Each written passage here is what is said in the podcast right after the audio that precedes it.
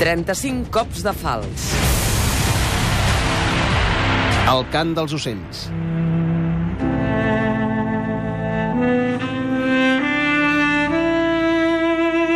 Els virtuosos dits de Pau Casals dibuixen amb tal delicadesa unes notes que es van fer tan universals que són molts els que pensen que Casals en va ser el compositor. Però el cant dels ocells ja sonava fa 300 anys. Era una melodia coneguda que es va convertir en cançó emblemàtica de la Guerra de Successió gràcies a un lletrista anònim.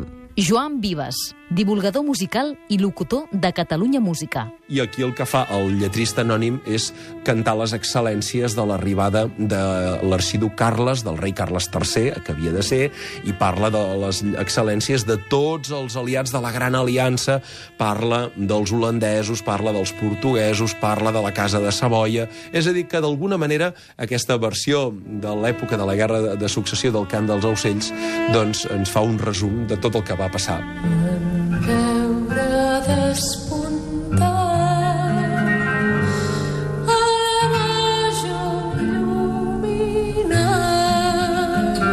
Recordem alguns d'aquests versos.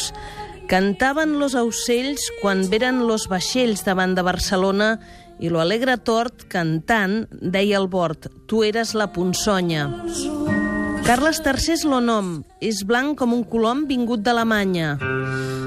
Sols no daria un sou del pobre duc d'Anjou, canta lo gran canari, basta sols que si a crac li varen fer gran nyac, puix lo tenim a diari.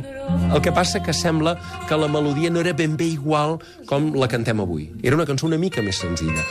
Si la sentim, veuríem que realment és una cançó que identificam com el cant dels ocells, però perd un punt d'aquest refinament poètic amb què la cantem els nostres dies. És una mica més popular. Catalunya Això mateix és el que va passar amb els segadors, per cert. Era una melodia popular de la qual se'n van fer lletres de tota mena, inclosa una versió eròtica que fa poc que s'ha trobat. Fa una comparativa entre tres segadors eh, que, que, exhibeixen amb una senyora doncs, la, la seva capacitat de treball amb la fals, diguem-ho així. No? Però a partir d'aquí, com que era una melodia coneguda, es va utilitzar un, una mica com a balada per narrar tots els fets de la Guerra dels Segadors, quan al final de la Guerra dels 30 anys Catalunya perd la, la Catalunya Nord.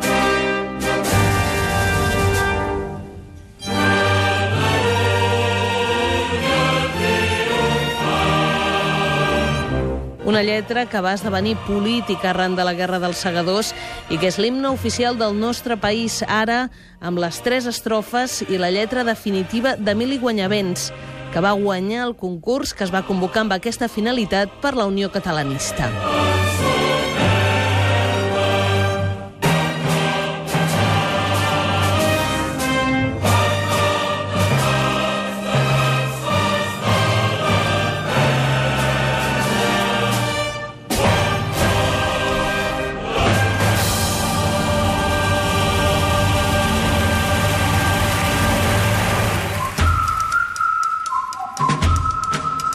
35 cops de fals.